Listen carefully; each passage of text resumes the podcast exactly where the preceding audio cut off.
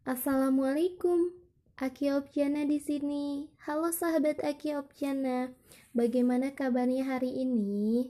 Semoga kita senantiasa ada dalam ketaatan ya. Amin. Di episode kali ini kita akan membahas mengenai masa depan. Berbicara tentang masa depan, rasanya setiap dari kita pasti memimpikan sebuah masa yang indah, aman, dan menyenangkan untuk dijalani, ya enggak? Membuat kita bekerja keras sedini mungkin untuk memastikan jika masa depan tersebut bisa sesuai dengan harapan kita. Ya, masa depan, sebuah masa yang banyak diperjuangkan oleh semua orang tapi, tahukah sahabat, masa depan yang mana yang hari ini sedang kita perjuangkan? Pertanyaan singkat itu tim dapat dari sebuah kajian. Pertanyaan singkat yang membuat setiap peserta yang hadir kembali terdiam dan merenung. Ya, selama ini kita selalu membicarakan tentang masa depan menganggap jika masa itu adalah masa paling penting yang harus kita persiapkan, tanpa tahu dengan pasti mungkinkah kita bisa sampai ke masa tersebut. Masa depan yang mana? Masa depan yang 50 sampai 60 tahun yang akan datang atau masa depan ketika setiap hamba kembali pada Tuhannya untuk dimintai pertanggungjawaban atas setiap perbuatannya. Bukankah banyak contoh di luar sana? Orang-orang yang mengumpulkan banyak kekayaan dan hal-hal duniawi lainnya yang dia akhirnya tidak bisa menikmati apa yang dia perjuangkan dan kumpulkan sepanjang hidupnya. Entah karena sakit atau kontrak hidupnya telah habis. Jadi, Jangan tukarkan waktu yang masih dimiliki hanya untuk sekedar mengejar dunia dan melupakan kewajiban menuntut ilmu agama. Karena semakin dikejar, semakin membuat penat dan lelah. Itu tabiat dunia. Bukan, bukan tidak boleh menjadi kaya. Bukan tidak boleh menjadi terpandang. Justru kamu harus kaya untuk bisa membantu saudara seimanmu. Kamu harus terpandang agar setiap nasihat atau dakwahmu bisa didengar dan dicontoh oleh orang-orang. Tapi jangan sampai terbuai oleh kesenangan sesaat tersebut. Luangkan waktu untuk hati dalam kajian-kajian Islam, karena setiap diri memerlukan bekal untuk menjalani hidup di dunia dan kehidupan setelah meninggal. Oke, itu saja yang bisa tim sampaikan. Mohon maaf apabila ada kekurangan atau kesalahan. Ambil yang baik dan buang yang buruknya. Jika ada yang ingin ditanyakan atau disampaikan, boleh banget di-share di grup agar kita lebih saling mengenal. Sebab tak kenal maka tak aruf. Itu saja. Wassalamualaikum warahmatullahi wabarakatuh. Sampai jumpa. Assalamualaikum. Aki Obiana di sini. Halo sahabat Aki Obiana, bagaimana kabarnya hari ini? Semoga kita senantiasa ada dalam ketaatan ya. Amin. Di episode kali ini kita akan berbagi sebuah tulisan karya Ustadz Show Hmm, kayaknya hampir seluruh remaja muslim tahu tentang sosok beliau ya. Oke, tanpa lama-lama lagi, kita akan langsung ke tulisannya. Tulisan tersebut berjudul Mengapa Aku Hampa. Ketika engkau lama menjalani sesuatu, akan datang satu masa saat engkau kehilangan makna. Bingung, hampa, kosong seolah berjalan tanpa arah dan tujuan, maka kebosanan akan segera menghampiri. Kelesuan dan rasa malas pun tak terelakkan. Jangankan semangat, sekedar normal saja sudah sulit untuk dipertahankan. Orang bilang itu masa krisis, insecurities, atau apa pun itu. Yang jelas engkau berhenti berharap dan menerima kenyataan apa adanya menjadi manusia terburuk, jiwa tanpa idealisme. Mungkin itu saatnya kita untuk kembali berpikir dan menata hati, menyendiri untuk lebih banyak mendengar dari diri sendiri, menyepi agar lebih banyak bicara dengan kebenaran. Benarlah tutur sang bijak, dunia ini seperti air yang diseberangi, panjang tempuhannya, lama jelajahnya. Tapi selama kita ada di atas air, maka kita akan selamat semua akan baik-baik saja. Namun, ada kalanya kita terpesona dengan keindahan bawah air, menahan nafas hingga tak tersisa bagi otak. Padahal kita diciptakan untuk ada di atas air, bukan di bawahnya. Engkau pahami, saat dunia itu mulai mengikat hati, ia hilangkan kenikmatan akhirat, pelan-pelan tanpa disadari Ketika itu pula, makna dan arti kebahagiaan sejati direnggut darimu. Mulailah candu-candu bahagia semu diinfuskan pada dirimu, seolah tanpa itu engkau tak bahagia. Budaya instan, kasar, pamer, mesum, seolah tak ada hidup setelah hidup ini. Jadi apa yang paling penting bagi kita? Jawaban itu bisa jadi ditopengi oleh kata-kata manis dan pencitraannya tapi nilai diri selalu bisa diketahui dari apa yang dikhawatirkan. Apa yang kita khawatirkan? Harta, popularitas, pasangan, makanan buat besok, atau diri kita sendiri. Masih dunia, maka wajar saja akan datang masa kehampaan itu menghampiri. Mungkin saat ramai kita masih bisa terlihat bahagia, tapi kita tahu siapa diri kita saat kita sendiri. Hanya masalah waktu saja sampai kita membenci keramaian yang menipu.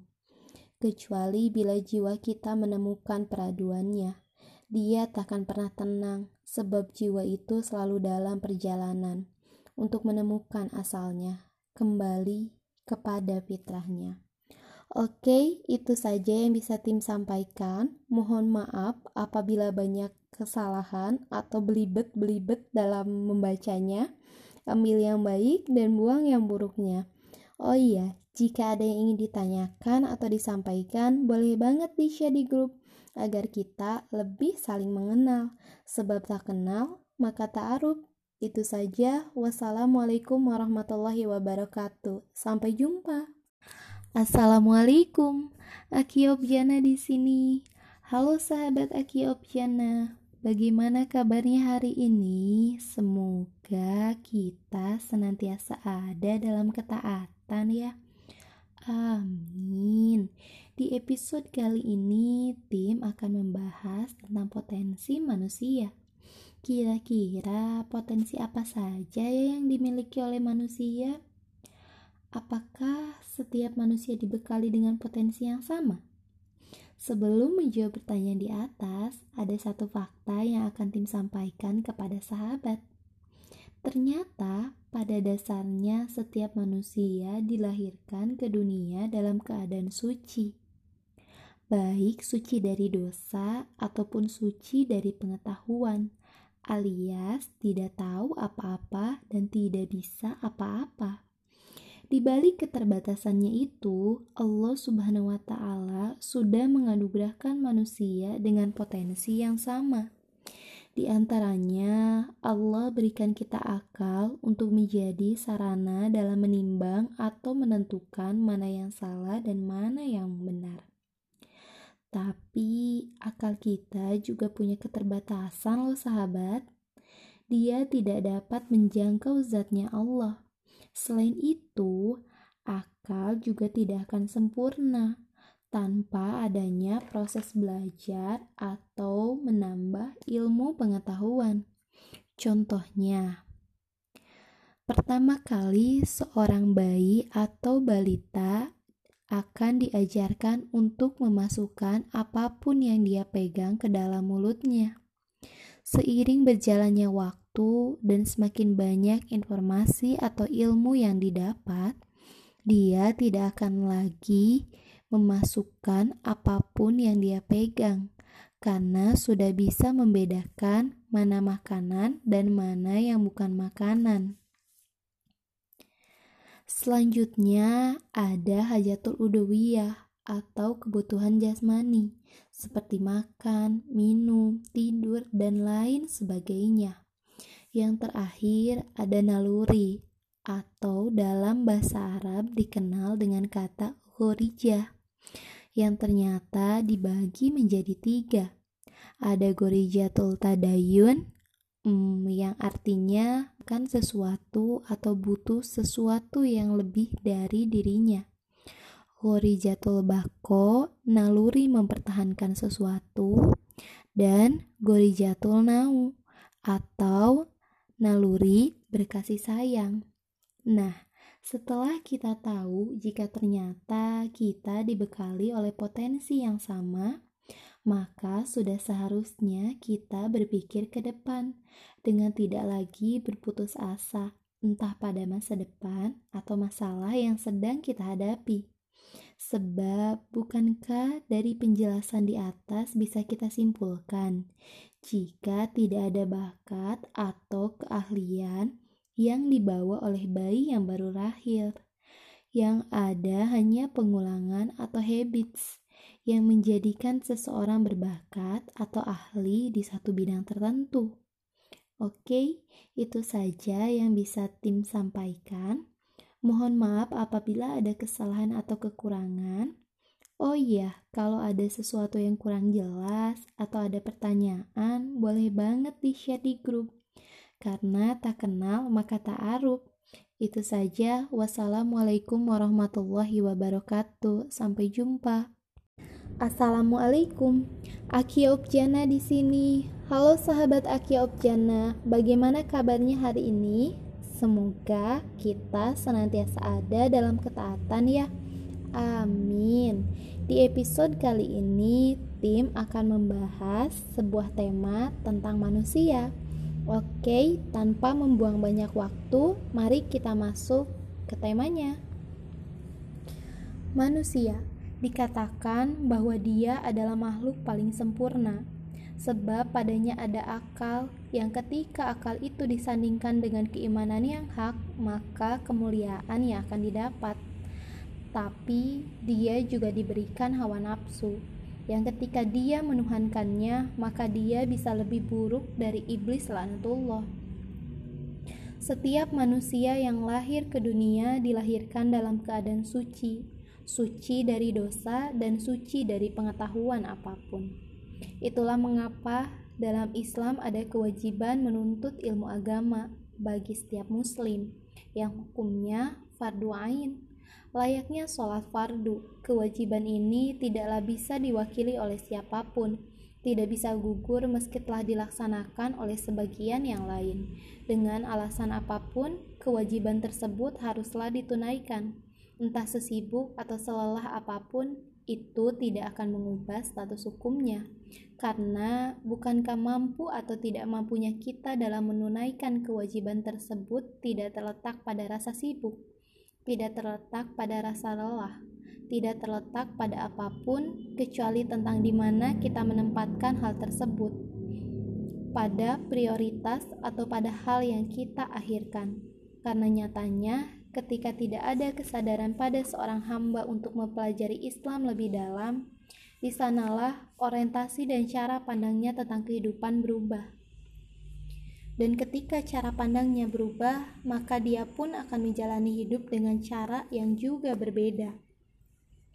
Dan itulah musibah yang paling besar yang pernah ada.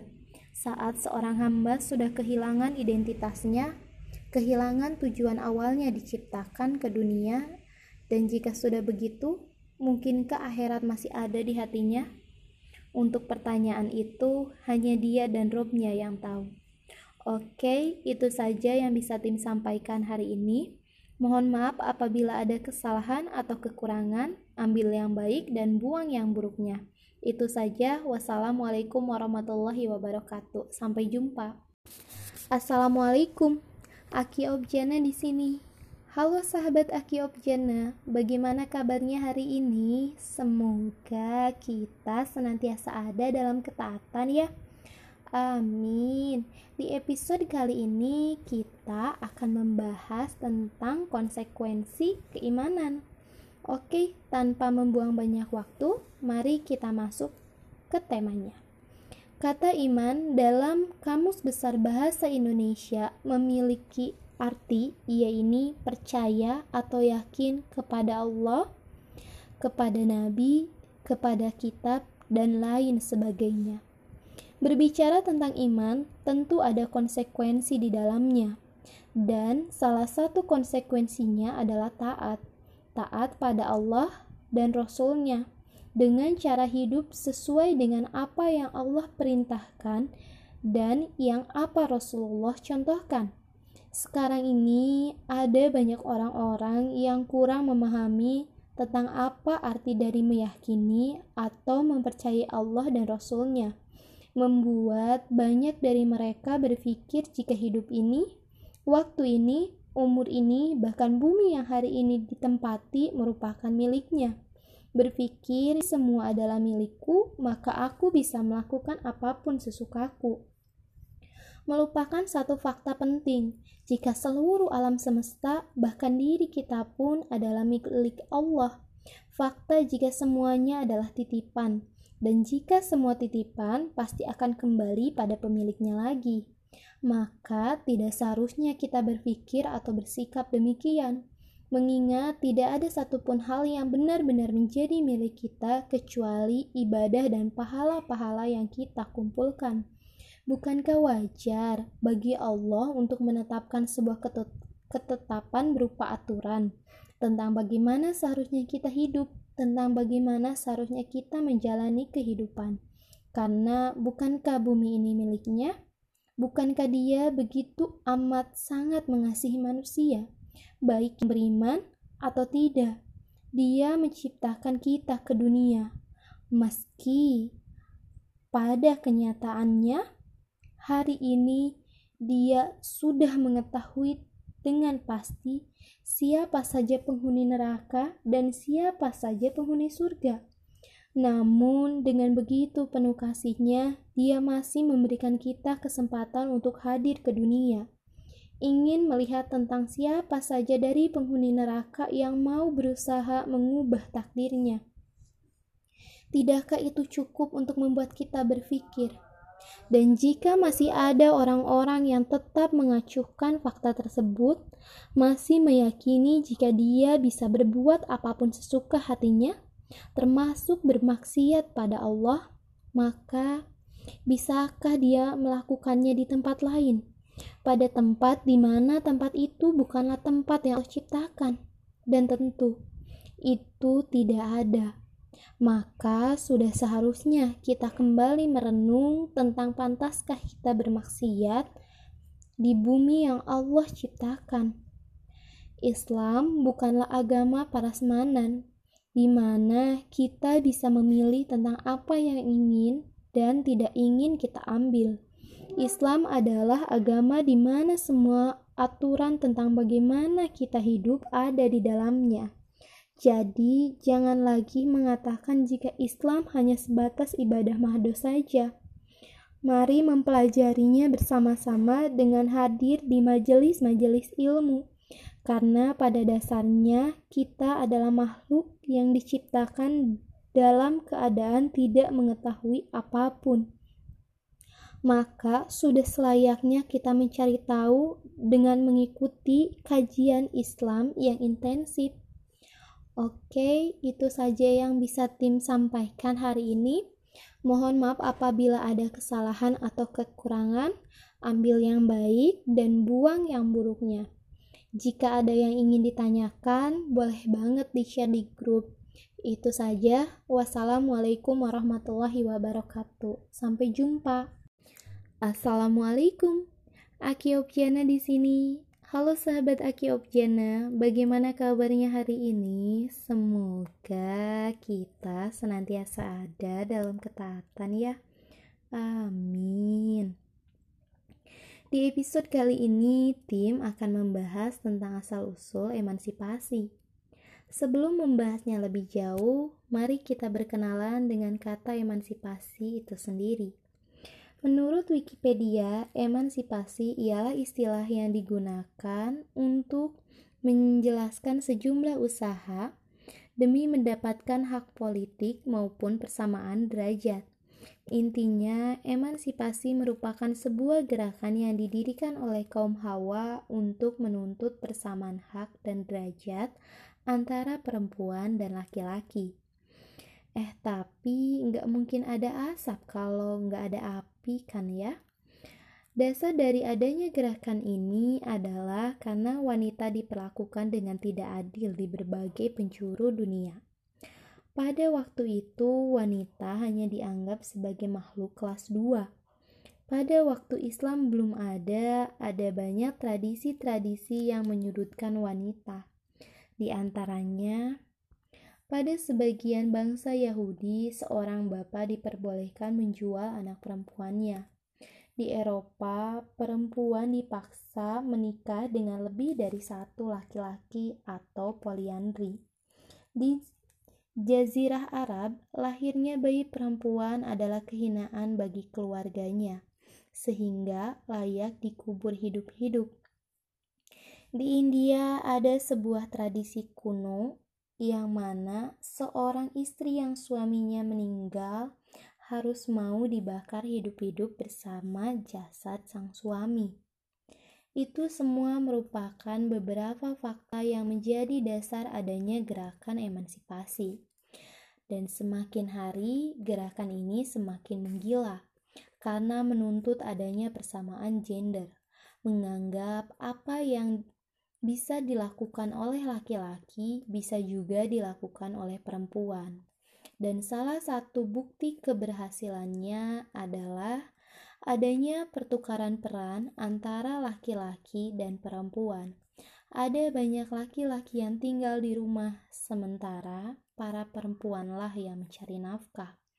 Dan gerakan ini juga terbukti, terbukti banyak menghancurkan keluarga-keluarga dengan perceraian atau perselingkuhan.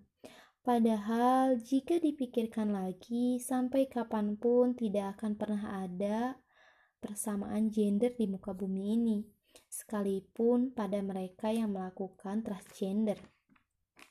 Karena antara laki-laki dan perempuan, mereka memiliki peran dan tugasnya masing-masing yang tidak bisa ditukar.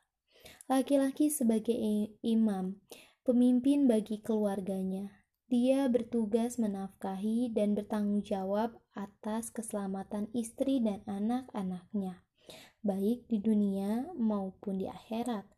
Perempuan juga tak kalah penting. Dia adalah madrasah pertama bagi anak-anaknya. Dia yang bertanggung jawab atas generasi-generasi yang dia lahirkan. Baik buruknya sebuah generasi ada di tangannya. Dan sebenarnya, sebelum gerakan emansipasi ini hadir di dunia, pada tahun 611 Masehi sudah ada seorang penggagas yang menyuarakan idenya untuk membebaskan perempuan dari kehinaan dan segala penderitaannya. Yang lebih mengejutkannya lagi, sang pelopor bukan perempuan, melainkan seorang laki-laki bernama Muhammad bin Abdullah yang lahir pada tahun gajah. Dengan petunjuk dari Allah, beliau mengangkat derajat perempuan yang awalnya dianggap hina oleh dunia menjadi manusia paling mulia di mata dunia. Beliau bersabda, surga itu terletak di bawah telapak kaki ibu, yang artinya hanya dengan berbakti dan dengan ridhonya lah seorang anak bisa memperoleh surga yang begitu sulit untuk dijangkau. Kedatangan Islam bukan hanya untuk menjadi sebuah agama semata. Islam datang untuk memberikan kabar dan peringatan kepada seluruh manusia. Salah satunya memberikan kabar bahwa perempuan dan laki-laki memiliki derajat yang sama di mata Allah. Yang membedakannya hanyalah amal dan ibadahnya saja. Islam datang untuk merubah cara pandang dan penilaian manusia tentang banyak hal. Maka benarlah jika kebangkitan itu hanya datang pada mereka yang mau berpikir. Jadi, siapkah sahabat untuk bangkit? Siap dong ya. Oke, itu saja yang bisa tim sampaikan kali ini. Mohon maaf apabila ada banyak kekurangan atau kesalahan. Ambil yang baik dan buang yang buruknya. Oh iya, jika ada yang ingin ditanyakan atau disampaikan, boleh banget di-share di grup agar kita lebih saling mengenal. Sebab tak kenal, maka tak aruf. Itu saja. Wassalamualaikum warahmatullahi wabarakatuh. Sampai jumpa.